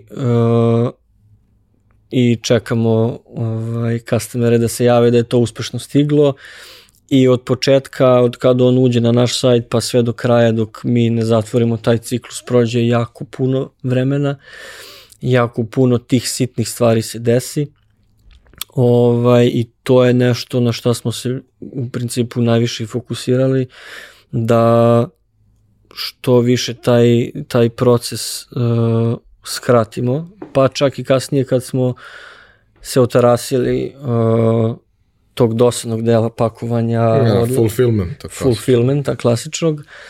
Ovaj, kad je soba prestala da nam bude magazin čak i tada smo u jednom trenutku dobili pojačanje ovaj, još jednog dizajnera i jednog, jednu osobu za, ajde da kažem, support i malo marketing. I tada smo se trudili opet da sa partnerom i e, odnosno sa, sa ekipom koja nam je to sve izvodila ovaj, e, u Londonu da napravimo takav e, takav put jedne poružbine da, da nekako sve teče sve teče kako valja. A e, imate već jednu stvar koja oduzima dosta vremena i poslove i sve i odlučujete da pravite još nešto. Da, šta? Zašto? Zašto, pobogu? Pa nemam pojma, iskreno o, spisak ideja onako podugačak, što verujem da i kod tebe slučaj, ovaj, kao i kod svih kreativnih i mladih ljudi.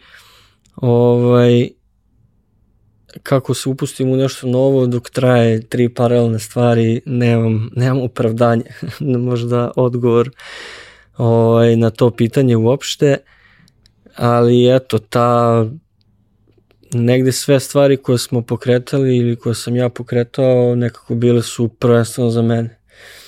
Ovaj, pa, i, pa i sam Ultras dizajn bio je za mene jer meni su trebale zastave za moju ekipu iz o, o, iza zgrade i trebale su mi nalepnice da ih lepim po pragu na ekskurziji ovaj, i negde kasnije kada su došli i drugi biznisi ovaj, kao što je tradicionalizam ja sam onako želeo neke majice da prodajem da ispunim svoju jednu, još jednu dečačku ovaj, želju ovaj, da lansiram neki brand garderobe. Ovaj, a od skora je to i sportski zid ovaj, koji mi je tu onako najsvežiji i opet ako želim da obeležim ovaj, Mitrovićev gol u Portugalu tako što ću ga okačiti na zid i ne znam da će ljudi da skeniraju QR kod i opet i pogledaju video i prožive taj moment a opet kroz neki ovaj dizajn koji je blizak ljudima koji su igrali futbol menadžer recimo to su te tačkice 2D ovaj, gde, gde verovatno nikad neću biti 3D, lik koji igra 3D menadžer, već će mi tačkice ovaj, biti uvek primarne i opet ja kao neko ko igrao i football menadžer i top 11 i jako pratim sport, nekako to je nekako kombinacija uh, svih stvari koje, koje mene interesuju, a opet sad, ve, sad već pozamašno znanje u e-commerce mi je pomoglo da to jako brzo ovaj, zarolam, ovaj, gde sam i svoju neku zajednicu ljudi koja, koju sam izgradio godinama i na drugim društvenim mrežama, između ostalo na Twitteru, gde sam pre nego što sam lansirao ceo projekat uh, zapravo odradio jedan customer research spontani, gde sam pitao navijače zvezde da mi kažu kojih pet golova je njima obelažilo život. I ja sam ručno uzeo svih, bilo je preko 150 odgovora, ja sam ručno uzeo, otvorio Excel i davao poene, ne znam, Pavku protiv Liverpoola 1 poen, 2, 3, 5 i došao do prvih 10 proizvoda koji ću da napravim za sportski zid i to mi je negde bio MVP. Posle kad sam dobio pojačanje u ekipi, onda smo se odlučili da onako dodamo i partizan i reprezentaciju. Ovaj, I druge sportove. I druge sportove polako ubacujemo, da najnovije tenis, ovaj, ali ima tu još zanimljivih momenta koje koje ćemo sigurno pokriti ovaj, iz drugih sportova, odbojka, vaterpolo, rukomet, to su i dalje naši sportovi, dok ne pređemo na futbol jednom za svakda, ali eto, da, da ne boksuziram. Ovaj, tako da eto, uvek su ti projekti bili nekako sinergija mojih interesovanja i mojih sposobnosti da nešto tu prespojim ovaj, i da to izađe na tržište jednu stvar da te pitam, zato što mi nekako deluje kao logična, možda grešim, ali uh, ono, raditi na projektu kao što uh, je bila priča sa zastavama je ok, ali u suštini nije baš najkreativnija stvar na svetu posle nekog vremena. Mm -hmm. uh, donosi novac i novac je lepa stvar. Ja sam veliki ljubitelj. Ovaj, kolekcionar, što se kaže. Podržao. ovaj, to je sve ok, ali kreativac koji dođe u situaciju da nema ono kreativni ventil, nego se vrti oko u, u nekoj kolotečini nečega što je zanatski zanimljiva stvar i s vremena na vreme dođe neki upit koji je super cool, pa ti drago jer je neka čudna priča, čudan grad, čudan klub, neobična poruka, šta god, nije dovoljno. Bar ja to tako nekako gledam. I meni je uvek ta potreba za tim ventilom se u suštini dešavala onom trenutka kad se zasitim jednom vrstom posla, imam potrebe da se izrazim na neki drugi način. Pa da li sad to što se ja izrazim ima smisla ili je to samo ja ću podelim što je meni zanimljivo, to je priča za sebe, ali mislim da je negde, da je zapravo i ovaj izlet u majice, igranje sa tim Naravno, sportski zid je opet druga priča. Sportski zid je čista emocija, to je ono, bez daljnjeg, da. svima jasno. Ja sam sto puta rekao, meni je drago što nisam išao da gledam Zvezda Liverpool, zato što bi umro. Znači, vrlo jasno, umro bi i to je to. Ja sam za United 30 godina i meni je svako da, da, ko da, da. postigne go protiv Liverpoola velika stvar, posebno kad je Pavkov, jer to je opet potpuno neka ono yes, nenormalna emocija, energija i sve. Ovaj, ali taj moment sa, sa majicama, znaš, kompleksno je, drugačije, komplikovano je. E, znaš, kad smo pričali, recimo, ono, krećeš u neku priču, pa ti interesantno, pa napraviš za drugare, pa to su sve neki XL-ovi i L-ovi, pa nešto to iskombinujete sve. I onda dođeš do toga da ljudi hoće, treba im, hoće, i ti razviješ matricu proizvoda. Kad razviješ matricu proizvoda, shvatiš da ako imaš pet majica, ti u principu imaš 40 proizvoda. Što je pakao. Ako ima po dve boje, imaš 80 proizvoda. I uvek će da fali onoga čega u tom trenutku je nestalo. Bez obzira na to što ono postoji distribucija i 90% yes. ljudi su ono, L, XL, yes. nema veze. Ovaj, ono, kako je to prosto tek prvo, ono, šta su ti bili šta su ti bile ideje za motive, kako si tu skockao od čega ćeš da kreneš i kako si tu priču razvio i kako je ona napravila svoj exit. Da. Pa u principu tu sam bio, ajde, za nijansu pametniji u odnosu na Ultras. Uh, Uh, I opet sam to pokrenuo kao neki onako, za početak to je bio dizajn projekt. Uopšte nije bio brand, niti je bila prodavnica od samog starta, niti sam ja to tako zamislio, što je Znaš, ja sam onako mam testovao sam sebe, iako nisam u tom trenutku znao šta to znači, verovatno. Ovaj, I onda sam u principu tamo negde početkom 2019. godine uh, bila je 20. godišnjica bombardovanja, to je 24. mart i ja sam negde želeo da to jest repetitivno iz godine u godinu na taj datum iste slike kruže internetom. Mene to frustriralo jer je to onako jedan veliki datum za našu, za našu istoriju, za našu državu i mene je frustriralo što nemamo ono adekvatan i prekladan dizajn koji kruži internetom i onako bu, da ima neku težinu. To su uglavnom bile neke pikselizovane stare fotografije, uh, mutne, nikakve i nekako na taj težak dan da dodaju još težu notu i onda je moja ideja negde bila da uh, spojim taj negde prvi motiv koji sam zapravo uzeo iz Marlonove pesme jedne, žao mi je, ovaj, i gde sam te neke prve motive uh, zgrada na Ušću, CK, uh, Generalštab, Most u Novom Sadu i Most u Grdelice. Čini mi se da su bila prva četiri motiva. Izabro njih kao onako možda je ružno reći, ali razgled, razglednik su neke fotografije koje se najčešće pojavljuju vezano za, za taj period. I uz neke dizajn trendove u tom trenutku uh, dobio krajnji proizvod jako brzo koji se koristi i dan danas kao osnova celog brenda ovaj, i gde sam ja to inicijalno podelio na svom privatnom profilu ovaj, ta četiri storija, tada story bio jako popularan, još uvijek nisu bili Reelsovi i TikTokovi, ovaj, podelio na svom profilu i na petom storiju jednostavno napisao ljudima da sam ja autor ovih radova i da bi mi bilo drago da šeruju. I taj dan ja sam otišao na trčanje, odradio ovaj, prve radove, okačio na Instagram i ono ništa kao nedelja casual, idemo dalje, spremamo se za ponedeljak. Međutim, te radove je podelilo preko 50 ljudi i tagovalo mene privatno, što je meni bilo jako i veliko iznenađenje. Uh, ovaj, gde sam to ponovio isto par dana kasnije sa nekim sličnim motivom.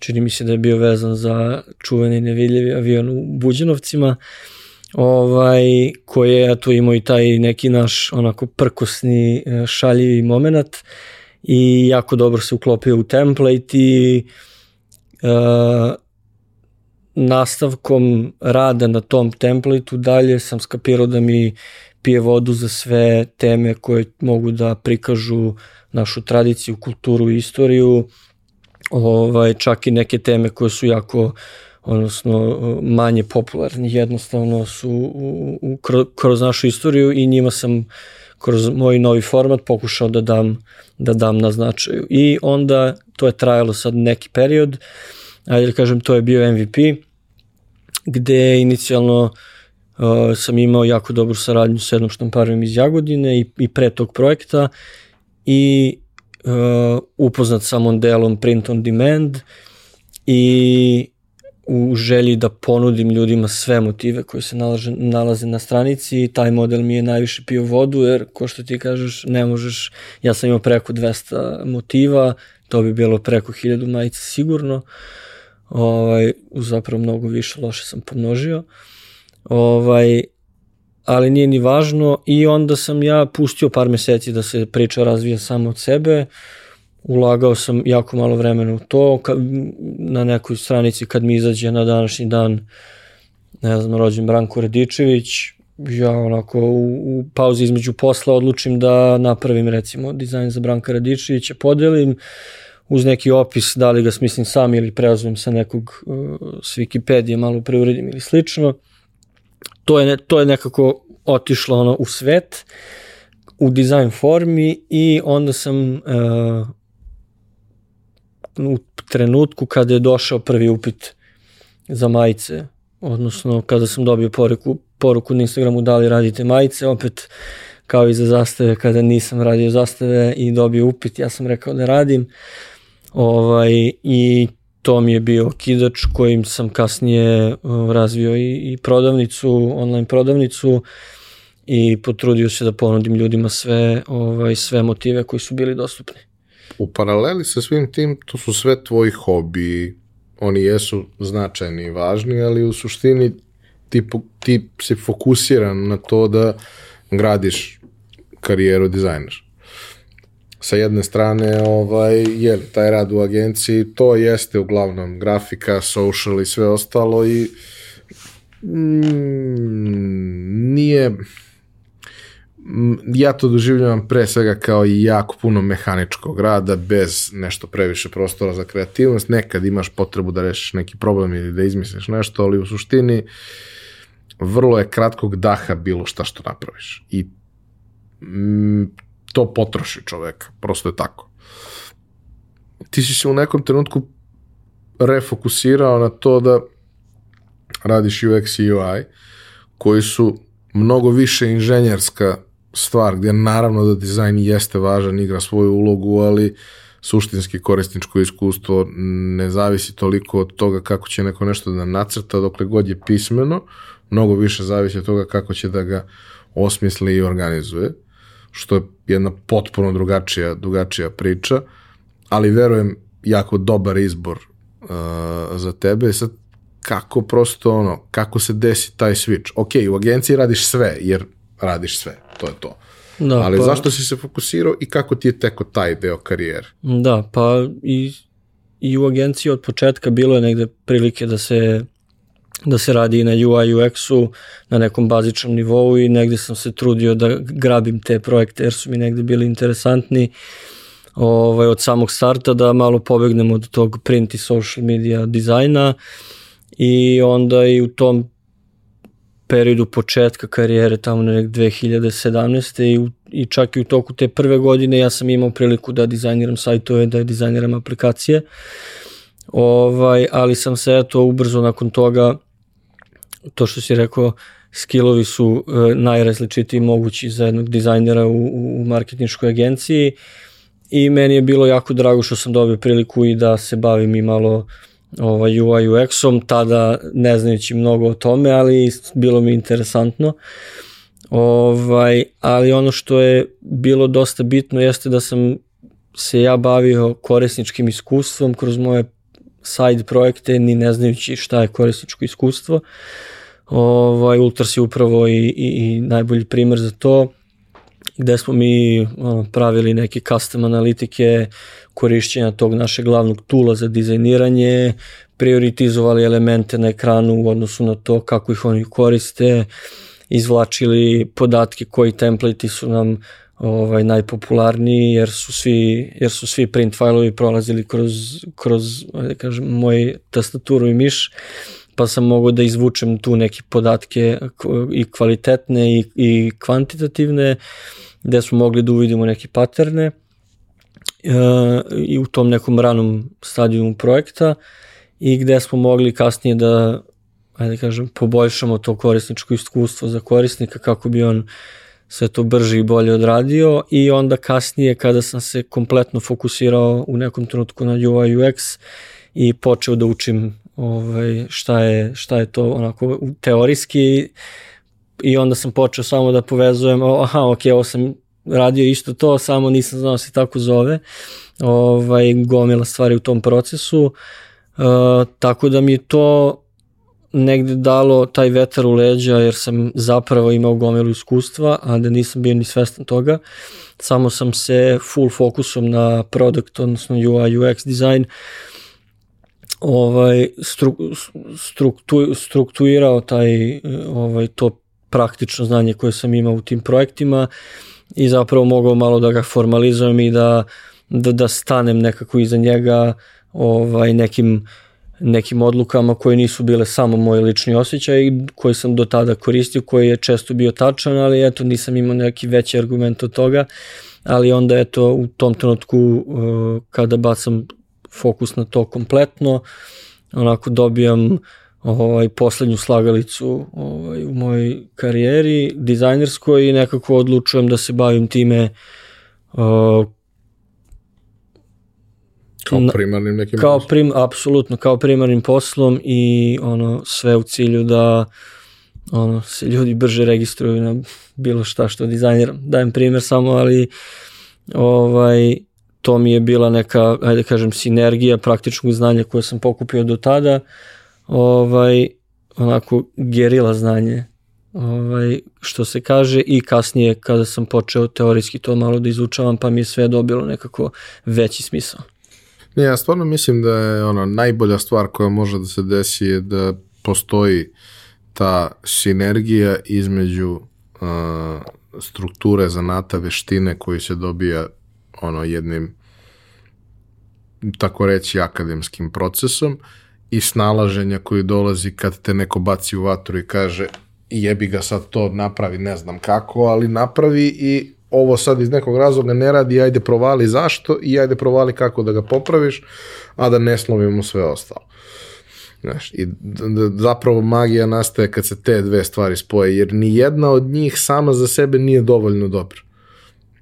Akademija bez nekog realnog znanja u principu je super za razgovore uz čaj ovaj, sa sredovečnim ljudima, a gerila je gerila i gerila nikad neće biti dovoljno dobra na duge staze, ona je super da ti nešto premostiš i prebuđiš, ali Znaš, yes. niko ne želi da živi, e, niko ne želi da prelazi most koji je nastao na taj način. E, tako isto niko ne želi ni da koristi dugoročno servis koji je napravljen tako. On mora da bude testiran tako, jer u svakoj drugoj varijanti je to neisplativo, preskupo i prekomplikovano i nema lakši i bolji način da testiraš da li su te hipoteze ispravne.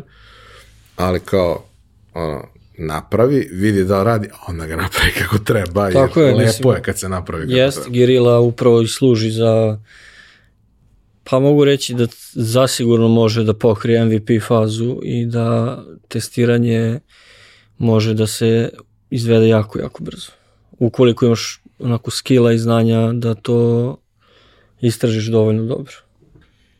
Gde si ti sad sa poslom? Odnosno, kako bi sad opisao, pošto si se ovaj, oslobodio jednog dela projekata, gde si ti sad sa poslom i šta su negde tvoji planovi za dalje? Uh, trenutno radim kao UI UX dizajner u jednoj nemačkoj kompaniji koja ima ovde predstavništvo. Uh, full fokus, kao što si rekao, na UI UX i celu tu ovaj, uh, ceo taj segment dizajna. Ovaj, tako da tu sam trenutno. Uh, što se tiče drugih stvari, tu je naravno sportski zid, ovaj, kao stvar koja, koja onako živi i raste ovaj, zajedno sa, sa celim timom. Ovaj, tu se uvek krčka nešto u pozadini.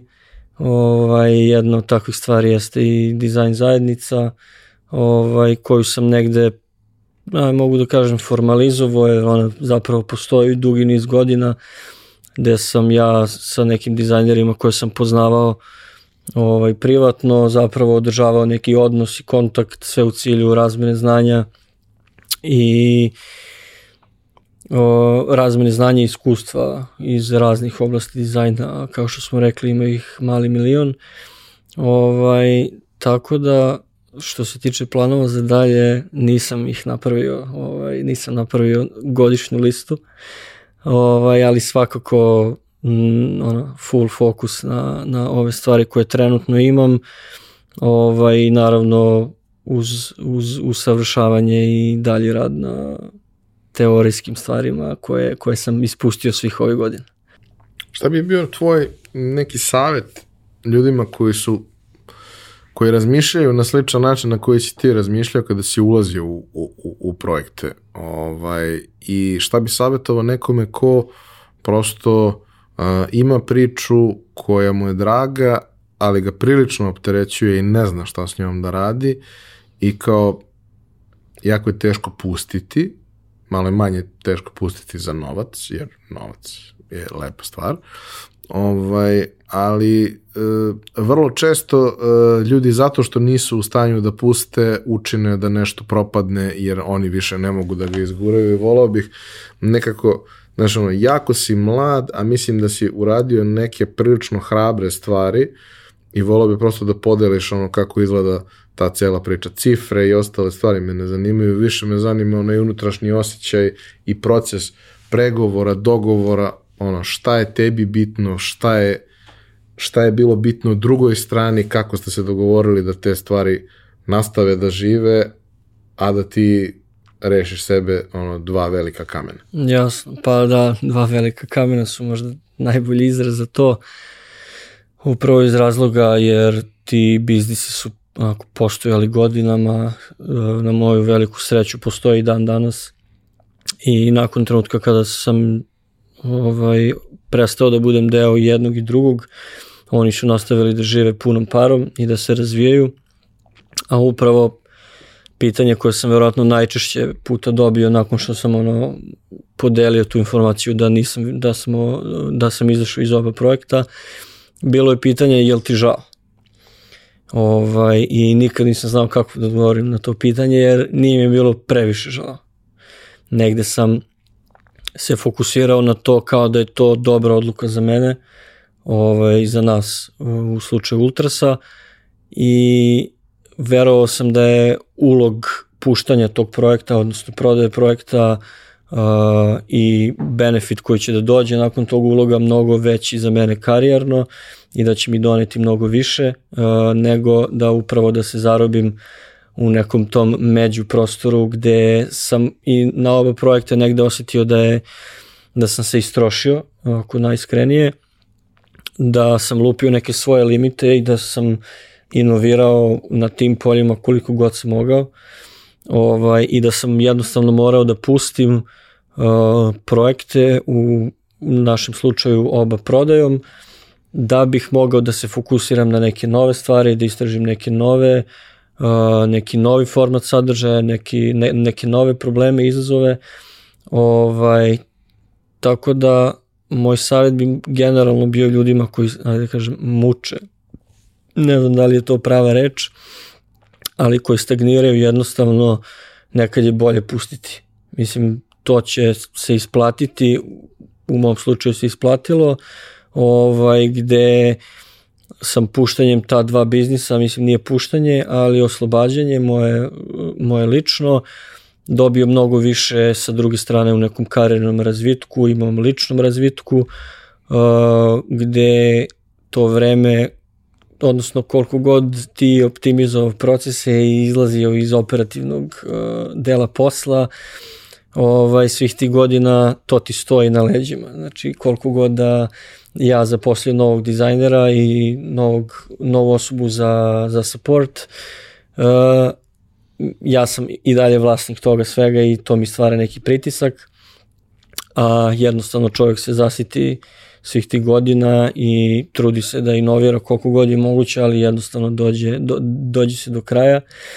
I u našem slučaju to je bila jako dobra odluka, ovaj, najviše karijerno i jer smo negde, na, praktično smo napravili vagu šta će nam doneti ovaj, u šta ćemo moći dalje da se usmerimo kada oslobodimo jedan deo, jedan deo dana ovaj, u našim životima. Ja stvarno mislim da je taj trenutak koji se, koji se desio, da je možda mogao da se desi kasnije, možda je mogao da se desi ranije. Tu sad ima raznih parametara i svega, ali da je suština u tome da ste vi u tom projektu za vas napravili pun krug. Tako je. To ne znači da taj projekat ne može da sad ono se revampuje kroz nekog drugog i da neko drugi neće doneti tu vrstu nove potrebne energije, da on neće, možda, mislim, on će i prirodnim putem rasti svakako, ali i da neće možda da se pretvori u nešto sto puta veće uz nečiju tuđu energiju, ali da je za vas ono ciklus suštinski završen yes.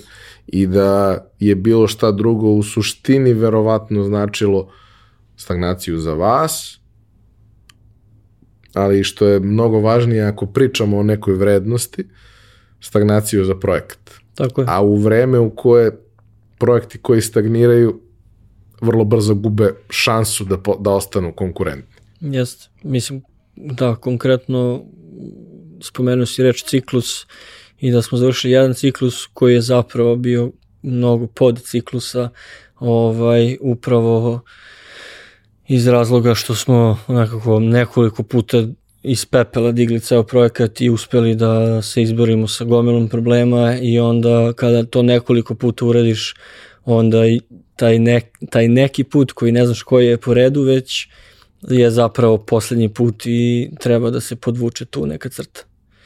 I da se neko novi bavi nekim novim problemima. Tako je, tako je. Upravo. Ko ima i svežu energiju i nema ono traumu od ranije i sve ostalo i ima jaku motivaciju da tu priču pogura još koji stepenik više. To je i ono kad imaš talentovano košarkaša ili futbolera koji voli svog uh, trenera koji ga je napravio najviše na svetu, ali pravi trener u jednom trenutku kaže sine, vreme je da odeš Tako dalje, je. A ja ću i dalje da te volim kao što sam te voleo i do Tako sad, je, ali za tebe je potrebno da odeš dalje da bi napravio još tih nekoliko stepenika više i posebno za projekte koji su to ne mogu da kažem samo hobi, zato što nisu bili hobi jer jesu da, biznis. Jesu krenuli ali kao jesu hobi. side projekti i nije nešto gde ti sebe vidiš za 40 godina da to radiš.